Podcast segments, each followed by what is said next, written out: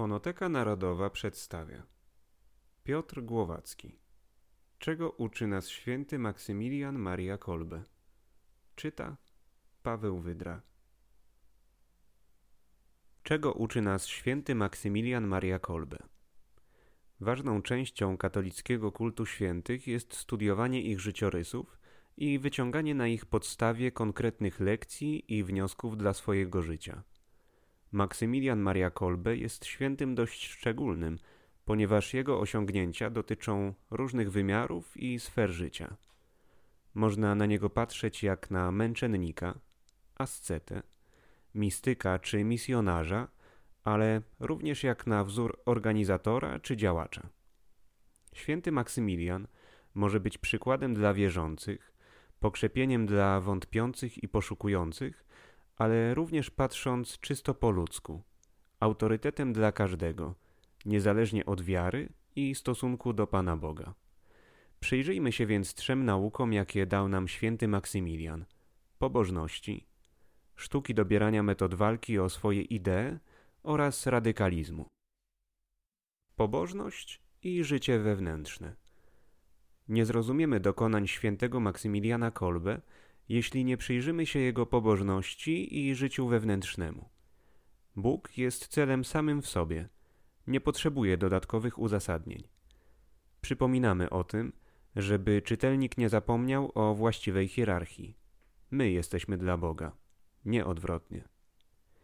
Nie zmienia to jednak faktu, że z wiary, pobożności i bogatego życia duchowego możemy czerpać siłę, natchnienie i osiągać rzeczy wielkie – Innymi słowy, wiara się opłaca, nie tylko w wymiarze wiecznym, ale często również tym ziemskim, ludzkim.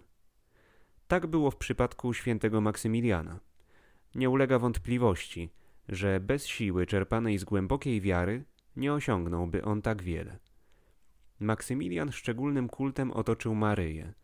W modlitwach czy publicystyce mówił o niej niepokalana, i od tego miana nazwę wzięły największe dzieła Maksymiliana.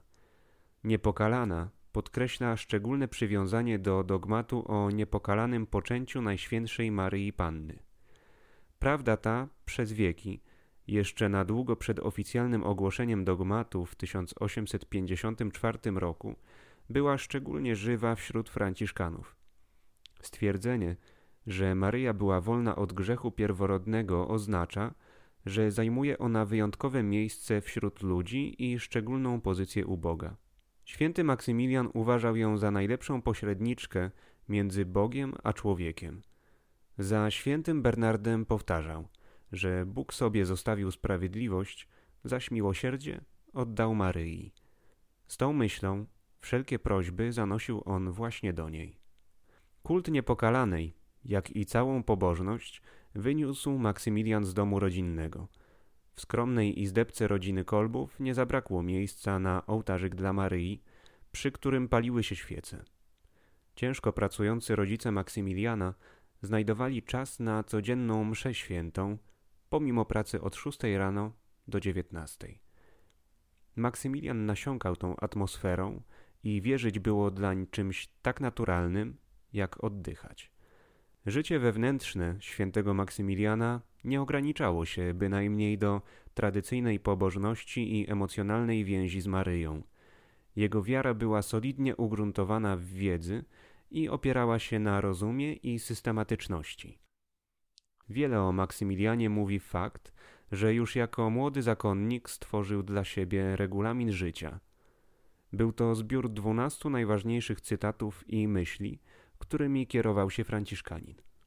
Regularnie, co miesiąc, czytany i przypominany stał się fundamentem na całe życie. Można domyślać się, że takie comiesięczne refleksje były okazją do przeglądu i rozliczenia samego siebie. Dziś wytyczanie celów i regularne ich weryfikowanie nazywa się rozwojem osobistym, a za szkolenia w tym temacie różnego rodzaju trenerzy pobierają solidne pensje. Nie pierwszy to przypadek, kiedy w modnym i nowoczesnym opakowaniu podaje się stare, tradycyjne prawdy. Pierwszy punkt regulaminu Maksymiliana pokazuje, jak wysoko mierzył świeżo upieczony kapłan.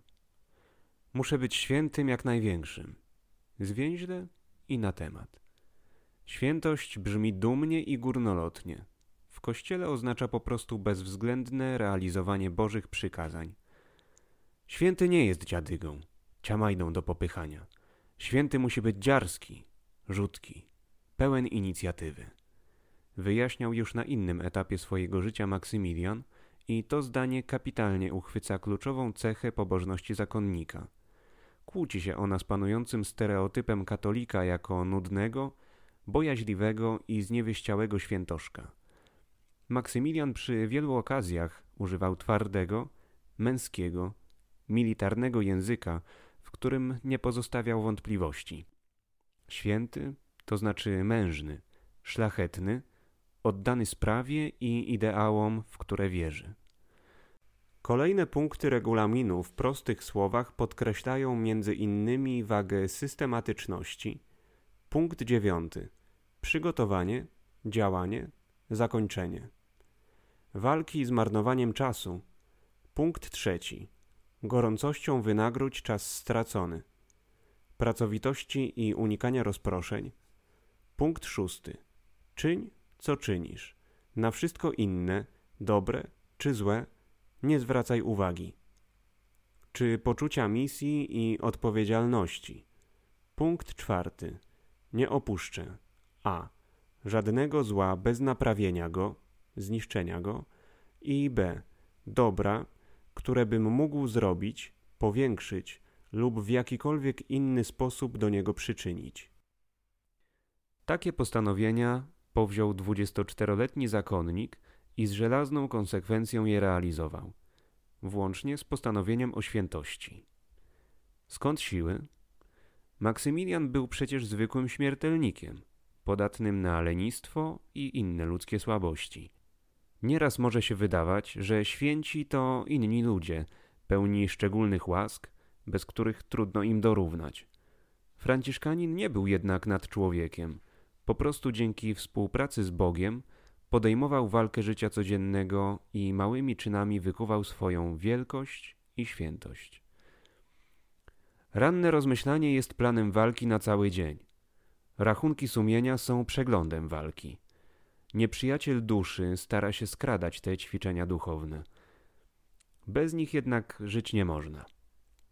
Kiedy jest nam nieraz ciężko, to dobrze sobie przypomnieć, że życie jest krótkie. Wróg duszy stara się zająć ją jak najwięcej rzeczami zewnętrznymi, żeby się zachłysnęła i do śmierci tak doszła. Dusza, która ma przed oczami swój cel, dba o skupienie wewnętrzne, żeby nie stracić natchnień z góry, żeby być narzędziem w ręku niepokalanej. Życie wewnętrzne, nie zewnętrzne, jest jej treścią. Maksymilian był rygorystyczny nawet w najmniejszych rzeczach. Z początku dusza nie zważa na te drobnostki. Na przykład rano. Nie wstaniesz zaraz, ale choćby kilka sekund później. W sprawie uświęcenia dusz trudno nazwać cokolwiek rzeczą małą, gdyż ze względu na tak ważny cel wszystko jest bardzo ważne. Dusza, która opuszcza się w małych rzeczach, czuje z początku wyrzuty sumienia. Po jakimś czasie wyrzuty ustają, bo się przyzwyczai do swoich błędów. Swojej imponującej bez wątpienia samodyscypliny, wewnętrznej organizacji i panowania nad słabościami, Maksymilian nie uważał jednak za swoją zasługę. Nie byłoby to możliwe bez modlitwy, całkowitego oddania się Matce Bożej w opiekę. Maksymilian, choć był osobą oczytaną i inteligentną, wiedział, że jego siła i mądrość nie bierze się w pierwszej kolejności z wykształcenia. Za świętym Tomaszem z Akwinu powtarzał, że więcej nauczył się od krzyża niż z książek. Chciałoby się rzec, że święty Maksymilian był osobą kompletną. Głęboko wierzył, ale nie czekał na manny z nieba, lecz ciężko pracował nad swoim charakterem. Był wykształcony, światły i niewątpliwie cenił ludzi z szerokimi horyzontami, ale rozumiał, że mądrość tego świata nie wystarcza. Nie szczędził sobie trudu, podejmował walkę wewnętrzną i zwyciężał, ale wiedział, że bez modlitwy i wiary nie znaczyłby nic. Metody walki. Maksymilian nieustannie mówił i pisał o walce jako nieodłącznej części czy wręcz treści życia. W kategoriach walki rozpatrywał nie tylko osobiste zmagania wewnętrzne, ale również starania o uczynienie świata lepszym. Wrogów nazywał wprost, po imieniu i bez poprawności politycznej. Nie miał złudzeń. Czynienie dobra to także walka z nieprzyjacielem, nie tylko szatanem, ale także z tymi, którzy mu służą, choćby nieświadomie. Był niewątpliwie przedstawicielem kościoła walczącego, Ecclesia Militians. Pojęcie to w dzisiejszym kościele, który niestety niekiedy przynajmniej toleruje mentalność pacyfistyczną, zostało zastąpione przez bardziej nijaki kościół pielgrzymujący. Dziś militarna retoryka wielu uwiera, w czasach Maksymiliana pobudzała do czynu, myśli i świętości. Cel walki Maksymiliana był jasny i często podkreślany zdobyć jak najwięcej dusz. Zgodnie z nauczaniem Kościoła, podstawowym celem doczesnego życia każdego katolika jest dążenie do zbawienia, zaś troska o zbawienie innych jest najwyższym wymiarem miłości bliźniego. Ta misyjność, poczucie odpowiedzialności i żywa apologetyka były treścią życia świętego Maksymiliana. Maksymilian może być nauczycielem dla wszystkich, chcących dzielić się dobrymi ideami z innymi. Nie poprzestawał on bowiem na gorliwej modlitwie, ale całe życie z pełnym zapałem doskonalił metody nawracania. Można je podzielić na dwie kategorie: bezpośrednią i pośrednią. Przez metodę bezpośrednią rozumiemy po prostu tysiące rozmów, jakie Maksymilian odbył w trakcie swego życia. Treść wielu z nich zachowała się w jego zapiskach, dzięki czemu możemy inspirować się czymś, co nazywa się ewangelizacją pociągową, uprawianą przez Franciszkanina przez całe życie. Jak można się domyślić, cała rzecz polegała na rozmowach z przypadkowymi ludźmi, toczonych głównie podczas licznych podróży pociągami. Sztukę takiego nawracania przy okazji można streścić w dwóch prostych słowach: chcieć i potrafić. Chcieć, a więc stwarzać okazję, zagadywać, nie zrażać się niepowodzeniami, nie tracić żadnej szansy na przekazanie swoich ideałów. Potrafić, ponieważ same dobre chęci nie wystarczą do dyskusji z obcymi ludźmi. Trzeba być przygotowanym zarówno mentalnie, odpowiednie podejście, dostosowanie do konkretnego rozmówcy, użycie miękkiej perswazji, wykorzystanie swoich zalet, uroku itd. Jak i merytorycznie. Twarda wiedza, przemyślane, gotowe argumenty. Tak mówił o tym sam Maksymilian. Z własnego doświadczenia wiem, że nie jest to samo nauczyć się czegoś dla szkoły, a być przygotowanym każdemu z jakiejkolwiek sfery społeczeństwa rzecz tak przedstawić, aby trafić do jego przekonania. Niech więc Bóg zachowa, aby członek Militia Immaculate będąc gdzieś w towarzystwie lub pociągu, miał zbyć jakiś zarzut przeciw religii odpowiedzią wymijającą i tak osłabić wiarę usłuchających. Twórca Niepokalanowa swoją pociągową ewangelizację uprawiał w lekkim stylu. Nie wchodził w ostre spory, nie wygłaszał swoich tez ex cathedra z patosem. Czasem można odnieść wrażenie, że dyskutanci przyjmujący taki styl zapominają o celu takich rozmów. Nie chodzi przecież o wygłoszenie swoich poglądów. Występ dla samego występu, podbudowanie własnej samooceny abstrakcyjnym wywodem, czy w końcu wyśmianie lub zbesztanie rozmówcy. Skuteczność mierzy się ilością przekonanych. I znów, rzecz nie w zupełnej zmianie stanowiska interlokutora. To następuje niezmiernie rzadko po jednej rozmowie. Za sukces należy poczytywać zasianie ziarna niepewności, skłonienie do myślenia, czy choćby ocieplenie wizerunku grupy, którą reprezentujemy. Nigdy nie wiemy, kiedy i w jaki sposób rzucone przy okazji ziarno wykiełkuje. Franciszkanin w każdym człowieku, z którym przyszło mu rozmawiać, nawet najodleglejszym ideowo, widział przede wszystkim nie wroga, ale duszę do nawrócenia, parę rąk do pozyskania dla sprawy. W rozmowie z ateistą o istnieniu Boga i pochodzeniu świata Maksymilian zagajał. Cóż by pan pomyślał o człowieku, który tak by panu dowodził o swym zegarku? Ten materiał z okładki sam przypadkiem oderwał się w kopalni, sam dziwnym trafem przetopił się, przeczyścił i uformował wedle obecnego kształtu. Napis także przypadkiem się na nim wyrył. Szkiełko również przypadkiem się przetopiło i przyszlifowało. Gdy ateista przyznawał, że uznałby, iż człowiek ów cierpi na zboczenie umysłu, Maksymilian kontynuował wywód, dochodząc do dowodu na istnienie praprzyczyny wszystkich rzeczy, którą jest Bóg. Wiemy, że argument ten jest jednym ze słynnych dowodów świętego Tomasza z Akwinu na istnienie Boga. Święty Maksymilian potrafił złożone teologiczne tezy tłumaczyć na język praktyczny. O innej podróży pisał: W drodze do Włocławka znalazłem się w wagonie między innymi w towarzystwie jednego Żyda, cywilizowanego, bez pejsów, Żydóweczki, protestanta, jednego katolika z Kaukazu i innych. Rozmyślnie kierowałem rozmowę na temat religijny. Nie męczyłem się jednak dużo, bo pozwalałem im dysputować między sobą i tylko prostowałem, gdzie było trzeba, albo i szerzej wyjaśniałem. Niepokalana dała mi trochę jasności umysłu, więc szło gładko. Żydóweczka łatwo przyznała, przeciw protestantom, iż jedna tylko wiara może być dobra. W mowie o złych katolikach przyznano, że dobry katolik jest lepszy od dobrego niedowiarka i tak dalej. W końcu podróży zabrałem głos i zaokrąglając wszystko, przeszedłem od prawa natury, wybrania Izraela, od protestantyzmu do katolicyzmu, pokrótce uzasadniając, poleciłem wreszcie bardzo modlitwę, jako środek do uznania prawdy. Gdym już stał na peronie, jeden z poprzednich towarzyszy podróży, katolik, powiedział mi, że gdym wyszedł z wagonu, ów Żyd czy protestant rzekł, to mądry ksiądz. Może ta mnie pokalana zaczęła robić wyłom w duszy? Podkreślmy, umiejętność rozmawiania z innymi nie została Maksymilianowi podarowana.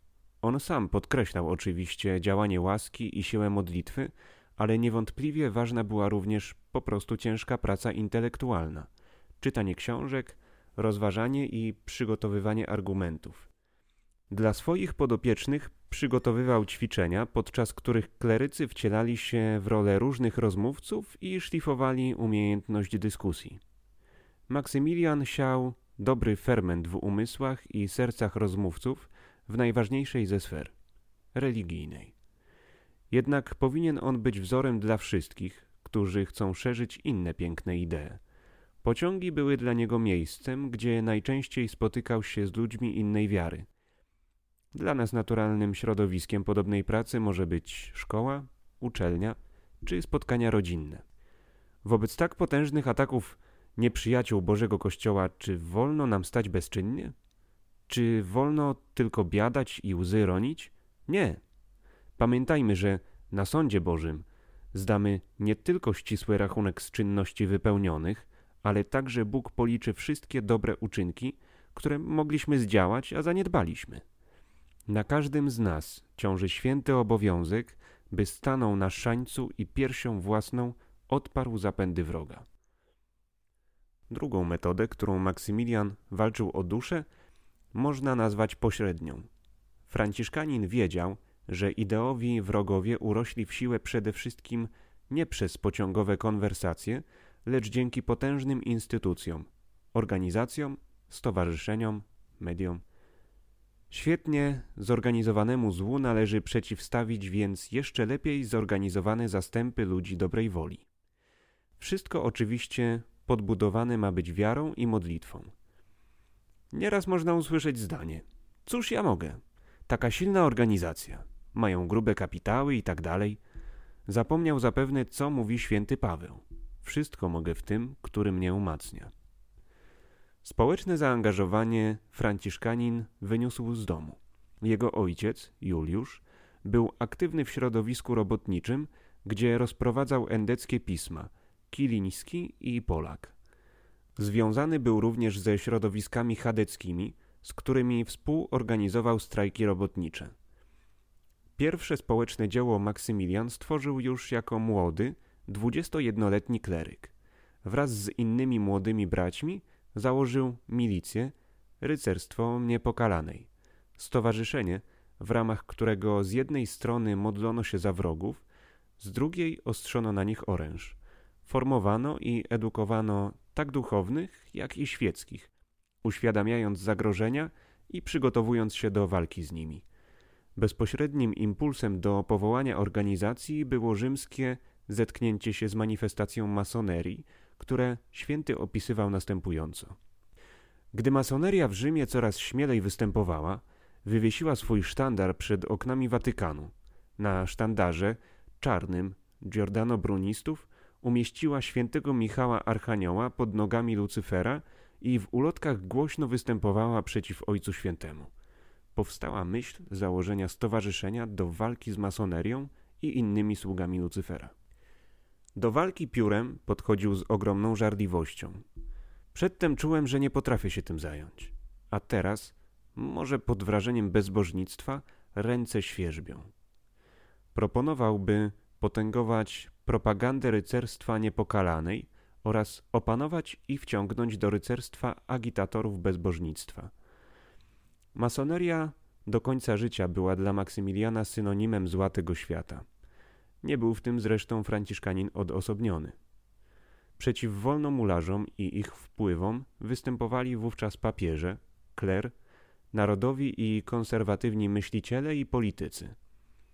I nawet jeśli w utożsamianiu całego zła tego świata z masonerią było nieco przesady, to jej przemożne wpływy i zaangażowanie przeciw Kościołowi i tradycyjnym wartościom nie podlegają dyskusji.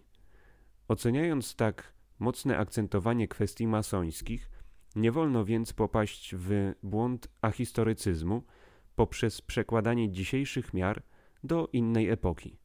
Masoneria co prawda nie zniknęła, ale jej wpływy wyraźnie osłabły, zaś podobną funkcję zaczęły pełnić inne, szersze środowiska i koła.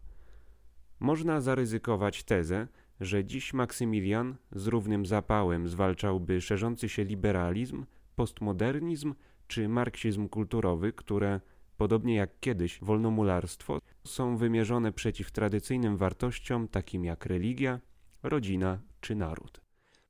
Następujące słowa Franciszkanina, odnoszące się do masonerii, bez trudu jesteśmy w stanie odnieść do dobrze znanych, współczesnych środowisk.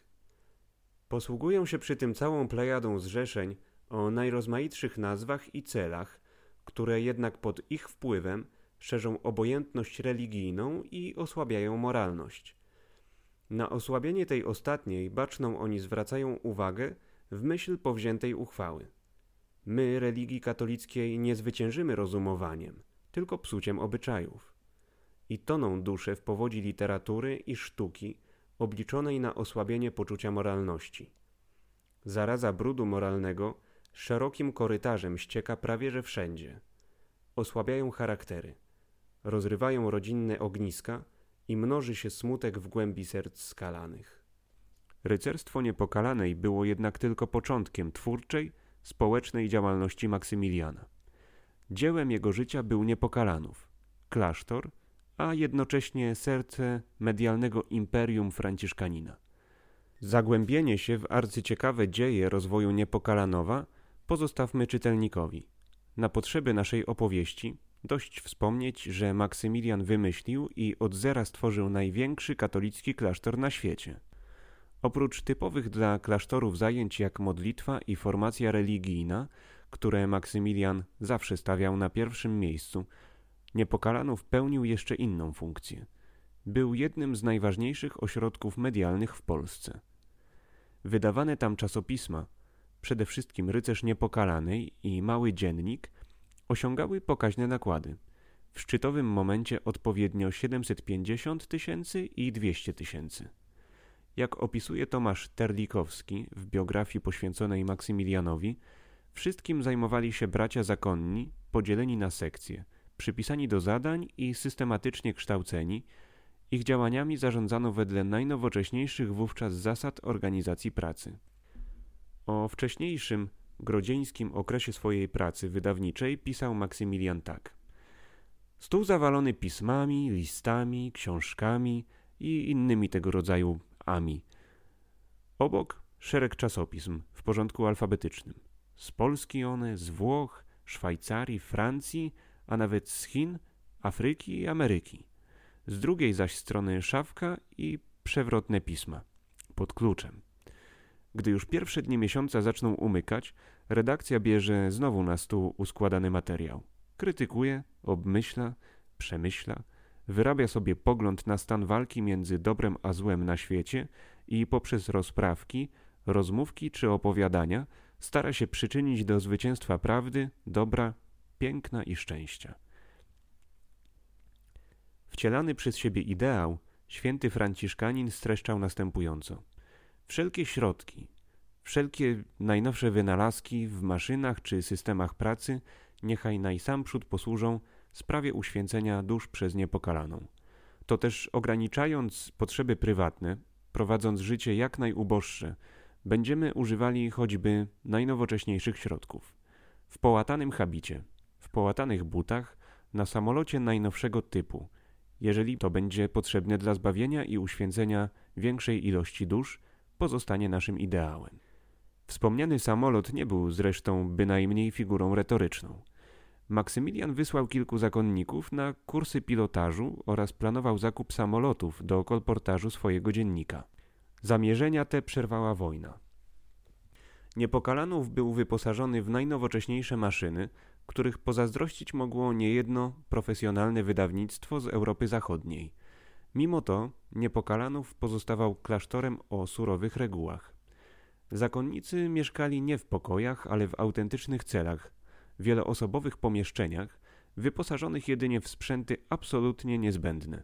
Metalową prycz z siennikiem wypchanym słomą, miskę pod łóżkiem i szafę, którą stanowił wieszak, a na nim dwa habity – roboczy i świąteczny.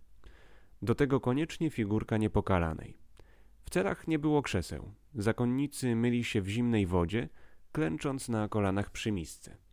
Treści publikowanych w gazetach Maksymiliana nie trudno się domyślić. Były one przesiąknięte tradycyjnym katolicyzmem, nie bojącym się konfrontacji ze światem. Poruszały przede wszystkim tematy religijne, ale także społeczne i kulturalne. Maksymilian stronił jednakże raczej od bieżącej polityki, choć i od tej zasady były wyjątki. Bardzo istotnym rysem wydawnictw franciszkańskich był przystępny język i atrakcyjna forma. Wynikało to z życiowej misji Maksymiliana dotrzeć do jak największej ilości dusz. Widać to już w rycerzu niepokalanej, ale w pełni tą myślą przesiąknięty był mały dziennik. Nasz święty wprost nazywał go katolickim brukowcem. Gazeta była tania, nieobszerna, zawierająca krótkie teksty i dużo ilustracji. Jeśli chodzi o formę, można ją istotnie przyrównać do dzisiejszych tabloidów. Oczywiście treści i poziom były zdecydowanie inne. Z tak podanym katolickim przesłaniem Kolbe docierał codziennie do tysięcy ludzi w całej Polsce. W zasięgu wpływu wszystkich wydawnictw było zapewne kilka milionów Polaków. Święty Maksymilian Kolbe to wzór dla wszystkich, którzy czują w sobie powołanie, by zmienić otaczający świat na lepsze. Pokazuje, że trzeba korzystać z każdej okazji do głoszenia swojej idei. By ją szerzyć, trzeba wykorzystywać wszelkie godziwe środki. Działalność Maksymiliana to antyteza dzisiejszego zaangażowania społecznego Polaków. Narzekanie na polityków, złości wygłaszane do ekranu telewizora, frustracje wylewane w internetowych komentarzach, pasywność, bierność, pieniactwo. Antidotum na te przywary winien być przykład Franciszkanina. Mimo różnorakich przeciwności tryskał inicjatywą, kreatywnością i zaangażowaniem. Nie zbaczał z właściwej ścieżki, nie schodził na manowce zgorzknienia, zniechęcenia czy nienawiści, bo zawsze miał przed sobą swój wielki cel i ideał. Chciał łowić duszę, bo głęboko wierzył. Robił to skutecznie, bo podchodził do swojego życia systematycznie. Jeśli czegoś nie umiał, uczył się. Gdy uświadomił sobie, z jakimi potęgami przychodzi mu się mierzyć, podejmował rękawice i tworzył wielkie dzieła. Wierzył w siłę organizacji, niepospolitego ruszenia. Radykalizm. Powiedzieliśmy już nieco o życiu wewnętrznym Maksymiliana. Pokazaliśmy również metody, jakie stosował na zewnątrz, by pozyskiwać wciąż nowych ludzi dla dobrej sprawy. Te dwa aspekty życia naszego świętego spina jedna cecha radykalizm. W świecie, w którym za radykalne uważa się niekiedy wykrzyczenie groźnego hasła na manifestacji, obrażenie kogoś czy publiczne bluzganie, należy przypomnieć właściwy sens tego słowa. Słowo radykalizm wzięło się od łacińskiego radix, oznaczającego korzeń. Człowiek radykalny to zatem człowiek zakorzeniony, pewny swoich idei i wartości, którym nie zachwieje żadna burza czy moda. Jeśli rzeczywistość społeczna zdecydowanie odbiega od korzenia, człowiek radykalny zdecydowanie się jej sprzeciwia i bezkompromisowo walczy o to, w co wierzy. Owszem, jednostkowy czyn może być radykalny, ale pełny radykalizm to głęboko zakorzeniona, niezłomna i konsekwentna postawa. To życiowy wybór. Radykalizm nie oznacza jednak wyobcowania, nie może sprowadzać się do sekciarstwa i utraty łączności ze światem w imię czystości idei. Bezkompromisowość nie odrzuca poszukiwania różnych dróg dotarcia ze swoją ideą do ludzi. Takiego właśnie radykalizmu uczy nas święty Maksymilian. Ten radykalizm widzimy w jego uporządkowanym życiu wewnętrznym, stanowiącym fundament dla służby innym. Dzięki temu ładowi Franciszkanin był w stanie wyrzec się wygody, ludzkich przyjemności, świętego spokoju. Dzięki stabilnym podstawom, korzeniom, Maksymilian potrafił łączyć bezkompromisową walkę z wrogami Kościoła i Polski z wyzbyciem się nienawiści do nich. A wiedzmy, że nieraz nie przebierał w słowach. W małym dzienniku pisał – Żydostwo szkodziło i szkodzi nam na każdym kroku. Wżera się jak rak w ciało narodu, szerzy przekupstwo i zepsucie wśród dorosłych, a rozpustę i bezbożnictwo wśród młodzieży. Wydziera nam handel, przemysł, rzemiosło, a nawet ziemię. Na gruncie teologicznym nie stronił od mocnych wypowiedzi pod adresem judaizmu. Zobaczmy teraz, jak wygląda niebo Żydów, do którego wzdychają i na które całe życie pracują. Przede wszystkim zapytajmy się Żyda, Hasyda, to jest Żyda pobożnego, kto się znajduje w niebie żydowskim.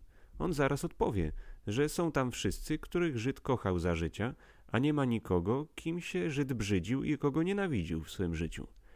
A więc w niebie żydowskim nie ma Pana Jezusa, ani Matki Bożej, ani świętego Józefa, ani żadnych świętych, których czczą chrześcijanie. A więc jest to piekło.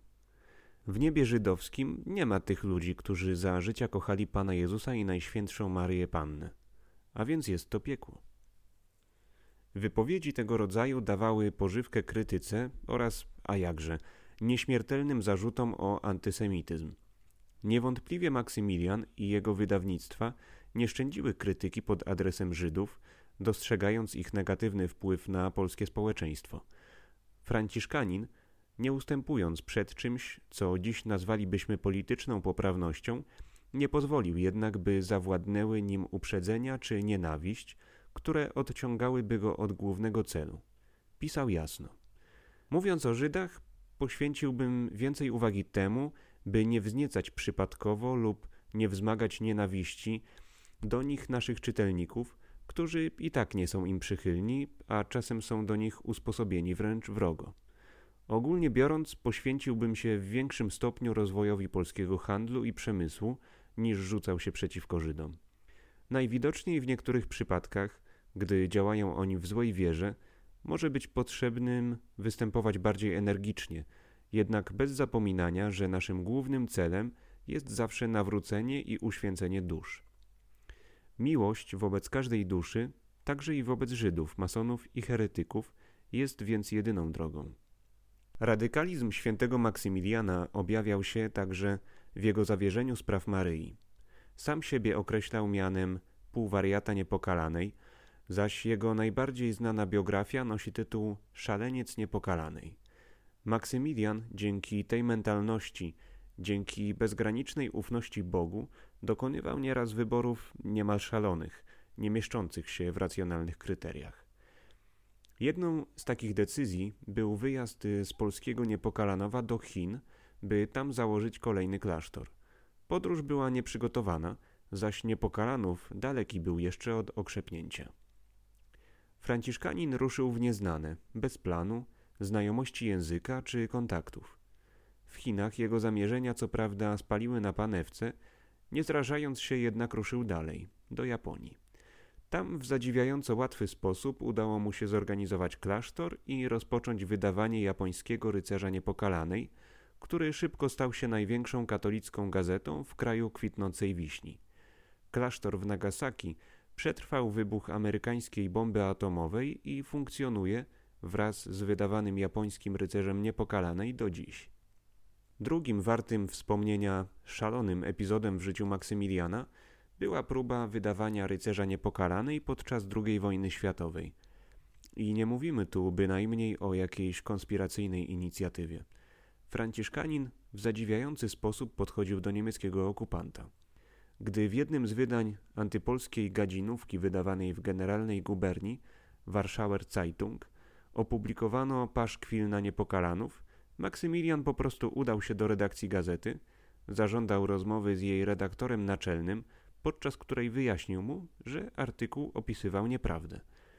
Oczywiście nie sposób posądzać Franciszkanina o naiwność czy nieznajomość realiów okupowanej Warszawy. Takie po prostu były jego metody. Na tym jednakże nie poprzestał. Niemcy zaraz po wkroczeniu do Polski zajęli Niepokalanów i zakazali druku rycerza Niepokalanej, jednak po pewnym czasie Maksymilian rozpoczął pisanie podań i pism do władz okupacyjnych różnego szczebla z wnioskiem o zgodę na wznowienie wydawnictwa. Podkreślamy, działo się to w czasach bezwzględnego terroru, łapanek i rozstrzeliwań za najbardziej błahe niekiedy przewinienia. W swojej natarczywości czy wręcz dobrze rozumianej bezczelności Maksymilian posunął się do prób spotkania z Hansem Frankiem, generalnym gubernatorem. Do spotkania doszło. Niestety nie znamy jego przebiegu. Nie wiadomo też, czy ta wizyta poskutkowała szokującą decyzją władz niemieckich. Zezwolono na niecenzurowany druk 120 tysięcy egzemplarzy rycerza niepokalanej. Przyczyny i kulisy pozostają nieznane. I faktycznie, w roku 1940 ukazał się jedyny wojenny numer niepokalanowskiego pisma. Maksymilian w zupełnie nietypowych okolicznościach dopiął swego.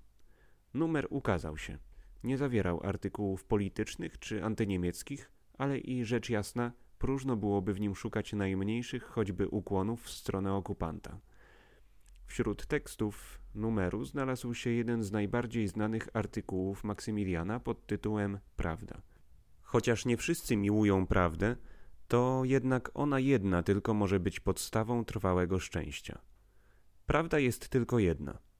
Prawda jest potężna. Te słowa w okupowanej Polsce musiały mieć swoją moc. Niemcy cofnęli zgodę, choć bez represji, na wydawanie rycerza. Ostatnim aktem radykalnego oddania się bez reszty swoim ideałom była śmierć Maksymiliana. Warto dodać, że zanim trafił do Auschwitz, przetrzymywano go na pawiaku. Na wieść o tym do niemieckich władz zgłosiło się dwudziestu zakonników, franciszkańskich współbraci, w zamian za uwolnienie Maksymiliana gotowych dobrowolnie trafić do cieszącego się wyjątkowo złą sławą więzienia, z którego zazwyczaj się nie wychodziło. Okupacyjni decydenci nie wyrazili na to zgody. Stamtąd nasz święty trafił do Auschwitz. W lipcu 1941 roku z obozu koncentracyjnego zbiegł jeden z więźniów. Niemcy stosowali w takich przypadkach zasadę, że w przypadku nieodnalezienia więźnia w 24 godziny wybierali 10 więźniów, których skazywano na okrutną śmierć głodową. Tak też stało się i tym razem, a jednym z wytypowanych był Franciszek Gajowniczek. Maksymilian wystąpił wówczas z szeregu i powiedział, że jako stary, choć miał 47 lat i był raptem 7 lat starszy od Gajowniczka, ksiądz katolicki chce umrzeć zamiast niego. Niemcy zgodzili się. Z bloku śmierci Franciszkanin trafił tam wraz z innymi skazańcami, z którego zwykle dobiegały przedśmiertne jęki i złorzeczenia, tym razem miała płynąć modlitwa i religijne pieśni. Świętego dobito zastrzykiem po dwutygodniowym głodzeniu, zaś ciało skremowano. Zachowały się jednak relikwie Maksymiliana. Fryzjer Franciszkanina, niedługo przed zatrzymaniem Maksymiliana, ścinając jego charakterystyczną brodę, wiedziony zapewne przekonaniem o świętości, zachował ją. Uratowany gajowniczek dożył starości. Zmarł w 1995 roku, wziąwszy udział w procesie beatyfikacyjnym. Maksymilian został kanonizowany jako męczennik w 1982 roku. Wnioski.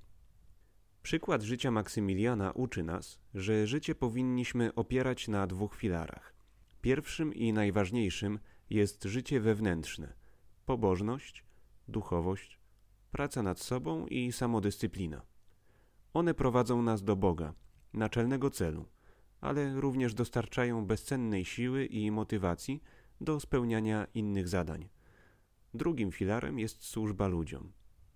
To troska o zbawienie, silny imperatyw ewangelizacji, ale również działalność polityczna, społeczna czy charytatywna. Bez tego wymiaru życia, bez oddania choćby części swojego wysiłku i czasu dla innych, w najlepszym wypadku stajemy się swego rodzaju świętymi egoistami. Jest to postawa znana, spotykana u ludzi zamykających się tylko w gronie swojej rodziny czy małej wspólnoty, w ramach których wiedzie się dobre, ale jednak nie w pełni pożyteczne życie. Żywot świętego Maksymiliana niewątpliwie był wielki. On zaś był prawdziwym tytanem duchowości. Czy ta wielkość nie czyni go odległym dla zwykłego człowieka XXI wieku? Czy nie jawi się nam Franciszkanin jako postać nieomal mistyczna, zaś jego dzieła jako nieosiągalne? Być może. Nie zapominajmy jednak, że był on zwykłym śmiertelnikiem, pochodzącym ze zwyczajnej rodziny, tak samo jak my zmagał się ze swoimi słabościami. W gruncie rzeczy hołdował on w życiu bardzo prostym zasadom, które streszczał w dewizie. Spełniać dobrze to, co ode mnie zależy, a dobrze znosić to, co ode mnie nie zależy. Oto jest cała doskonałość i źródło prawdziwego szczęścia na świecie. Żelazna konsekwencja w wypełnianiu tej reguły doprowadziła go do świętości inspirującej ludzi na całym świecie. Fonoteka Narodowa przedstawiła broszurę Piotra Głowackiego Czego uczy nas święty Maksymilian Maria Kolbe? Czytał Paweł Wydra.